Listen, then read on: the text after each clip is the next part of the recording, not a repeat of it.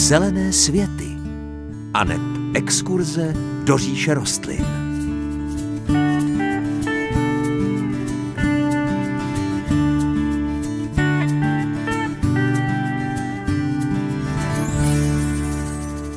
Pěkné páteční dopoledne. Slovenská zahradní architektka Janka Běliková v jednom textu vyslala všem zahradnickým nadšencům moc hezké poselství.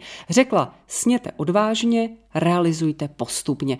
Možná trochu nenápadná věta dává ale i do života velmi dobrý návod. Pokud totiž netlačíte příliš na pilu, máte i na své zahradě šanci dosáhnout velkých věcí. Příjemné páteční dopoledne vám přeje moderátorsky zahradnická dvojice Hanka Šoberová a Pavel Chlouba.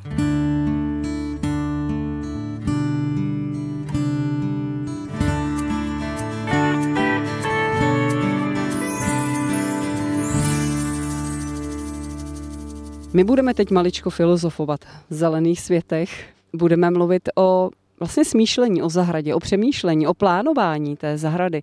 Eh, je to hodně důležité. My stojíme na jednom takovém, dalo by se říct doslova ukázkovém místě. A právě tady zešla ta myšlenka, že bychom se o tom trošku měli pobavit.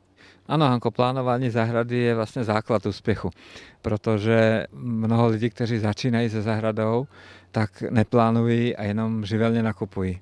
Potom si donesou ze zahradního centra směs rostlin a teprve na místě řeší, jakým způsobem ty rostliny uplatnit na té zahradě. Ne, že by to nefungovalo, funguje to také a při troše štěstí se může stát, že to funguje výborně. Ale přece jenom lepší je si věci naplánovat a vymýšlet to tak, aby eh, nízké rostliny byly vepředu, prostřední uprostřed, vysoké vzadu pohledově, tak aby pokud je to trošku možné, ty rostliny, které jsou v tom nejnižším patře, fungovaly jako půdopokryvné rostliny, aby nebylo zapotřebí pořád dosypávat nějaké mulčovací materiály. To je vlastně krok, který vlastně tu zahradu v začátku té práce trošku prodražuje, ale ve finále vlastně hodně šetří, protože je to zásah, který se provádí jednorázově, potom všechno funguje na té zahradě celkom dobře samo. Také je dobré plánovat tak, aby některé rostliny byly efektně v jarním období, když třeba raší, mají zajímavou barvu, nebo i kvetou při tom eh, jarním rašení. Některé by měly být zajímavé během léta, abychom se neuchuzovali o ty efekty, když máme možnost být na zahradě nejdelší dobu až do 9-10 hodin. No a na podzim samozřejmě eh, je to také důležité, protože některé podzimní efekty jsou dechberoucí a někdy je zapotřebí těm rostlinám trošku pomoct, aby je bylo vidět, protože třeba na podzim můžeme potkávat na zahradách rostliny, které ještě kvetou, Eh, můžou to být třeba eh, bílé astry nebo bílé sasanky, které když umístíme k bílé zdi, tak z nich nic nebudeme mít. Ale naopak, když je dáme k nějakému pozadí, které je kontrastní, tak ta bílá barva velmi dobře vynikne. Takže takové to lehké plánování, přemýšlení nad tou zahradou je velmi důležité. My, když jsme právě procházeli, tak vy jste se zastavil na místě, kde v tuto chvíli momentálně stojíme a právě jste zvolal, no to je ukázkové, tohle je doslova ukázkové. Pavle, zkuste našim posluchačům to místo popsat a vysvětlit, čímže je ukázkové právě. No to je naprosto ukázkové místo, které mě fakt nadchlo, Hanko, takže děkuji, že jste to na mě vyzradila. Je tady jenom pár druhů rostlin k vidění. Jsou tady rostliny, několik trsů bohyšek, které už díky tomu, že vlastně jejich vegetační doba se chýlí ke konci, tak už nejsou pěkné, už jsou žluté, proděravělé, možná poznamenané od nějakého krupobytí nebo od slimáku. Ale vím si velmi dobře představit, jak krásné musí být ty rostliny na konci dubna nebo v květnu, začátkem června, kdy jejich eh, listy se jenom rozvíjejí, ty špičky raší z půdy, eh, jsou plné života a jsou vlastně v tom jarním období asi tím nejkrásnějším, co tento záhon nabízí. Ale jejich doba už skončila, takže eh, oko každého návštěvníka této zahrady padá někam jiným směrem. Kvetou tady sasanky, nádherné sasanky, je to sasanka japonská, která má poměrně velké bílé květy, jsou tak asi 4 cm v průměru, se žlutým terčikem, jsou na tenkých stonkách, takže když trošku foukne vítr, tak oni tak lehce tančí po té zahradě. A to, že jsme si je všimli, tak je to zejména díky tomu, že za nima, za těmi bílými květy sasanek, jsou nádherně vybarvené červené listy, kaliny řásnaté. Jak ta sasanka, tak kalina eh, mají během léta zelené listy, nenápadné, eh, nikdo by si jich nevšiml, ale v období, kdy sasanka rozkvete, tak kalina se vybarví. Takže bílá barva se objeví na červeném pozadí. A to si myslím, že to je ono. To je to, co dělá tu zahradu zahradou. Jako mít i ta tajemství, ty okamžiky toho překvapení, kdy vlastně z ničeho se něco vyloupne a je to překvapivě krásné.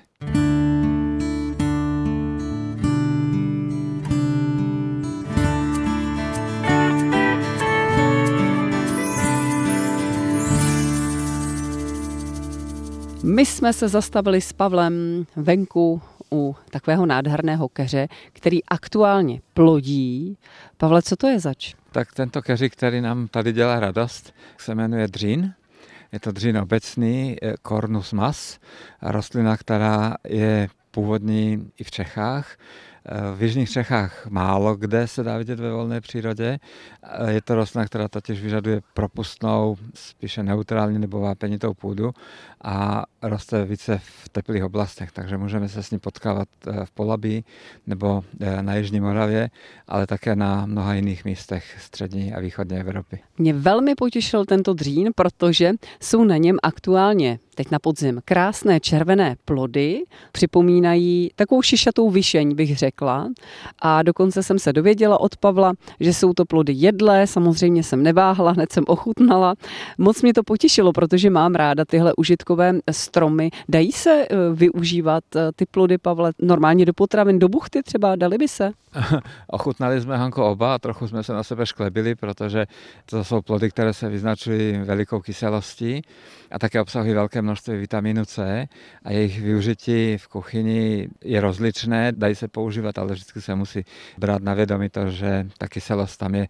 U některých odrůd je větší, u některých je typické, že jsou nasládlé velmi příjemné v puse. To využití v kuchyni je zejména pro výrobu nějakých šťáv, marmelád a také se z toho pálí alkohol, eh, destilát, kterému pokud vím, tak se správně říká dřinkovice. Eh, neměl jsem ho nikdy eh, v puse, ale takových destilátů, které jsem neměl v puse, je celá řada, takže tam vlastně zkušenost nemám. Nicméně to keř, který je užitkový, použije se to za méně používaný ovocný druh, ale to i keř, který má velmi vysoké estetické hodnoty a je velmi důležitý i z hlediska včel a opilovačů, kteří hledají na této rostlině potravu brzy Dají se využít pouze květy, plody, anebo i jiná část té rostliny? Květy jsou opravdu velmi významným zdrojem potravy pro hmyz, který začíná v tomto období létat venku. Takže pokud budeme tuto rostlinu pěstovat na zahradě, tak bychom si sami sobě měli zakázat, abychom ji neřezali do vázy, i když se to dá. Pokud bychom ji potkali v přírodě, tak ani nemůžeme, protože to je dřevina, která je chráněná. Eh, o plodech už jsme vlastně něco málo řekli. Jsou určitá místa v Evropě, kde se pěstují v sadech. Komerčně se vlastně tyto plody sbírají a uplatňují se. Ta dřevina má ještě jedno další využití, respektive měla spíš, protože v tomto období už ji tak velmi nepotřebuje lidská civilizace, má různé jiné eh, náhradní materiály, ale dřiny se vyznačují velmi tvrdým dřevem. Je to velmi pevné, silné dřevo, které se používalo v eh, řezbářství a při výrobě různého nářadí nebo náčiní. Třeba když se vyráběla kola, tak eh, ze dřeva dřínu se dělaly ty količky do těch kol, které vlastně držely pohromadě ten celek, ty šprušle, protože to dřevo dřínu je nesmírně tvrdé, pevné, houževnaté a dlouhověké jak se tento dřín pěstuje a jaké jsou jeho odrůdy, tak to si povíme zase za malou chvilku, tak vydržte.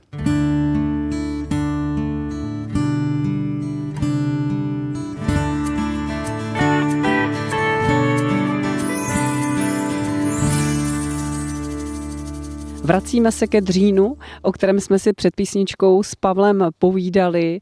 Pavle, jak se pěstuje správně tento dřín?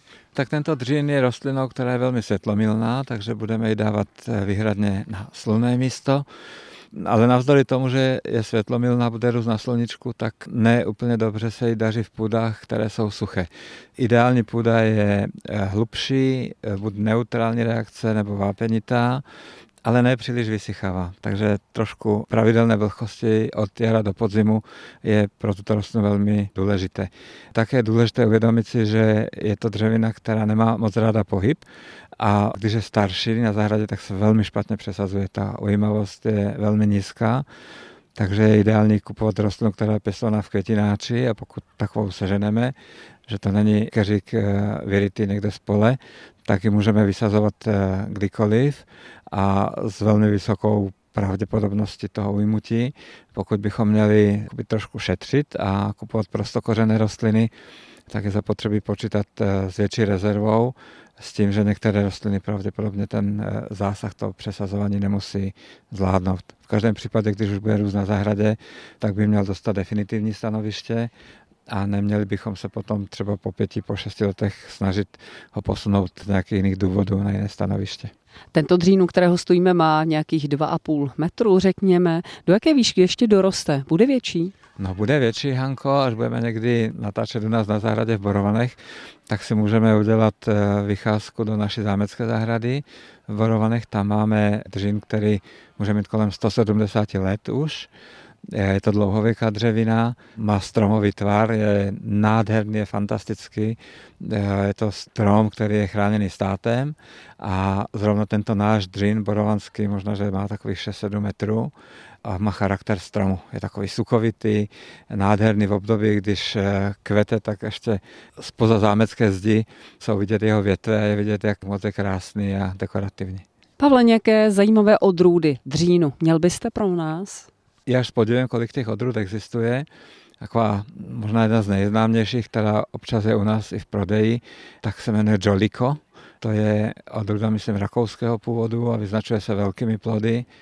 Potom ještě existuje odrůda, která má dvoubarevné listy, takové žlutobílé, ta se myslím jmenuje variegata. To je spíš zajímavost toho zahradnického hlediska, ale tím, že ty listy mají Eh, menší množství chlorofilu, tak ani není tento keřík tak vitální jako ty čisto zelenolisté. Eh, je to odrůda, která se ani nepěstuje moc kvůli těm plodům, protože ty jsou malé a jsou velmi kyselé u této odrůdy.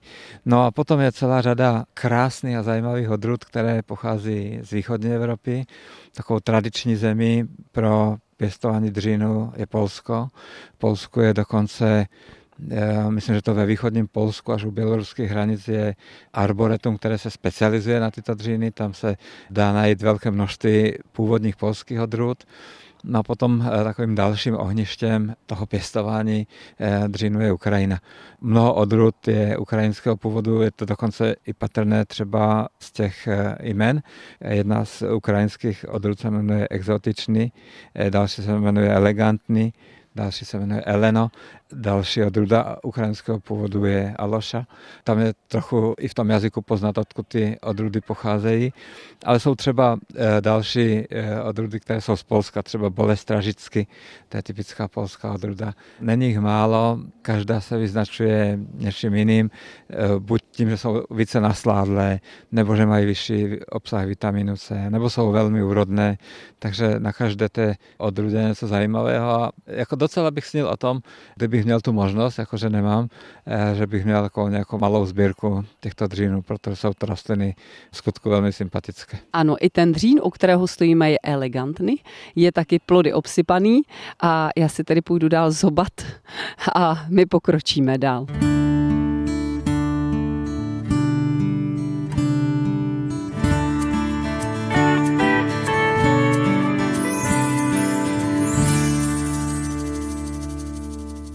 Pavle, tak si říkám, jestli na nás různé společnosti nekují různé pikle, protože jsem si všimla různě na internetu, na sociálních sítích, že se velmi propaguje podzimní hnojení. A já si říkám, jestli je dobré a nebo ne. Já jsem vždycky žila v tom domění, že na podzim by se ty rostliny měly nechat v klidu usnout, hezky je zazimovat a vlastně věnovat se jim v tomhle smyslu až na jaře. Tak jak to je? No, Hanko, vaše úvaha je naprosto logická, máte pravdu. Dokonce bych souhlasil i s tím, že různé společnosti na nás eh, vymýšlejí různé finty, ale netýká se to podzimního hnojení. Podzimní hnojení je zásah do života rostliny, který nepodporuje růst. Hnojiva, která jsou určená k tomu podzimnímu hnojení, tak mají velmi malé množství dusíku, což je prvek, který vlastně ten růst startuje. Když chceme nastartovat nějakou plodinu, všechny ty druhy hnojiv, které jsou označovány jako startovní, tak ty mají velkou dávku dusíku právě na podporu růstu. Podzimní hnojiva jsou na tom jinak. Ty mají velkou dávku draslíku, a draslík je prvek, který eh, dokáže jednu velmi zajímavou věc. On působí na kvalitu eh, buněční stěny a spevňuje ji. Je to taková výstuž vlastně pro tu buněční stěnu a tím pádem vlastně to má dopad na tu rostlinu eh, z několika pohledů. Za prvé, když je buněční stěna pevná, tvrdá, tak je méně atraktivní pro některé druhy škůdců. To víme podle sebe, že i nám lépe chutná srdíčko ze salátu, které je křehonké, než ty velké listy z okraje, které jsou tvrdé. Takže takhle to funguje i v té přírodě a rostlina, která má dostatek draslíku, tak e, pro ty škůdce atraktivní není. To je bod číslo jedna. Bod číslo dva je to, že když jsou pevné buněčné stěny, tak ta rostlina méně podléhá zkáze nebo e, houbovým nemocem třeba při skladování jablíčka, která jsou s vyšším obsahem draslíku, že byly ve správnou dobu tím draslíkem přihnojené, tak méně trpí na nemoci ze skladování. No a potom třetí věc, možná z hlediska toho podzimu a zimy asi nejdůležitější, a zase to souvisí s tou buněčnou stěnou, je to pořád dokola, tak je ta, že takto ošetřené rostliny lépe odolávají mrazu. I když víme teda, že e, naše zimy jsou stále čím dál tím více nespolehlivé a různé, nemusí být ta zima silná, tak e, to hnojení z tohoto pohledu má velký dopad. A teď ještě prozradím jednu věc, o které jsme možná ještě nemluvili. Podzimní hnojení je výborné pro některé kultury i před začátkem léta, protože jak spevňuje tu buněční stěnu, tak e, zmenšuje se vypařování vody a rostliny, které mají dobrou zásobu draslíku, méně trpí na velké poškození letním žárem. Já jsem se teď trošku uklidnila, že ne každý to s námi myslí špatně v dnešní době a že ne všichni chtějí z našich kapes vytahovat pouze peníze, ale že skutečně to podzimní hnojení význam má. A teď si říkám, co všechno bych tedy mohla na podzim pohnojit tak mělo by to smysl eh, zejména u citlivějších rostlin. Takže s tím, jak eh, se otepluje klima, tak mnozí zahrádkáři zkoušejí rostliny, které ještě před pár lety bychom si ani neuměli představit, že by mohly růst na našich zahradách. Takže třeba jestli má někdo fikovník na zahradě na Jižní Moravě, to už úplně běžná věc, ale i třeba eh, jiné druhy takových těch polosubtropických druhů. My máme na zahradě třeba nandinu, to je rostlina, o které jsme se my na střední škole učili, že to je rostlina přenosná a přes zimu nemůže zůstat někdy eh, venku na zahradě. Tak tyhle ty citlivější druhy má rozhodně smysl tím podzimním hnojivem ošetřit. Eh, mělo by to dobrý dopad třeba i na citlivější druhy jehličnanů, které by mohly namrzat. Poslední dobou velmi často používané cedry jsou vlastně rostliny, které, když jsou zejména mladé, tak nemusí tu zimu dobře ustát. Draslík by mohl i v této věci pomoct. Pavle, což takhle podzimní hnojení trávníků. Je dobré Podzimní hnojení trávníku je eh, stejně tak důležité jako u těch eh, citlivých druhů rostlin, protože pomůže trávníku eh, se dostat do kondice, lépe vydržet zimu, lépe odolávat houbovým nemocem, které mohou trávník napadnout. A potom je tam ještě jedna velmi důležitá věc, Nevím, jestli to platí paušálně, ale vím o některých druzích trávníkových hnojiv, že obsahují větší množství železa a síry a zejména to železo je teda prvek, který je součástí molekuly chlorofilu, podporuje jeho vznik a tím pádem eh, výrazně vylepšuje barvu trávníka do těch eh, sytých zelených odstínů. Také to dělá dusík, když ta rostlina roste, ale my dusík eh, na podzim nechceme, my chceme, aby se trávník spíše připravoval na zimu a trochu hibernoval, ale když mu doplníme železo, tak podpoříme jeho výrazně zelenou barvu.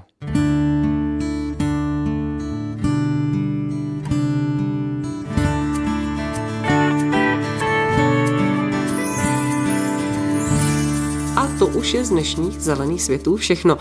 Ještě připomenu adresy, jakými se s námi spojit. Můžete buď psát na Český rozhlas u Třílvů 1 370 01 České Budějovice. Možná pro vás bude jednodušší e-mail zelené svety zavináč cb.rozhlas.cz anebo zatelefonujte na 22 155 44 33. To je náš rozhlasový záznamník, na který můžete nadiktovat svůj dotaz. Příjemnější a veselější život s rostlinami vám od mikrofonu Zelených světů pro dnešek přejí Hanka Šoberová a Pavel Chlouba.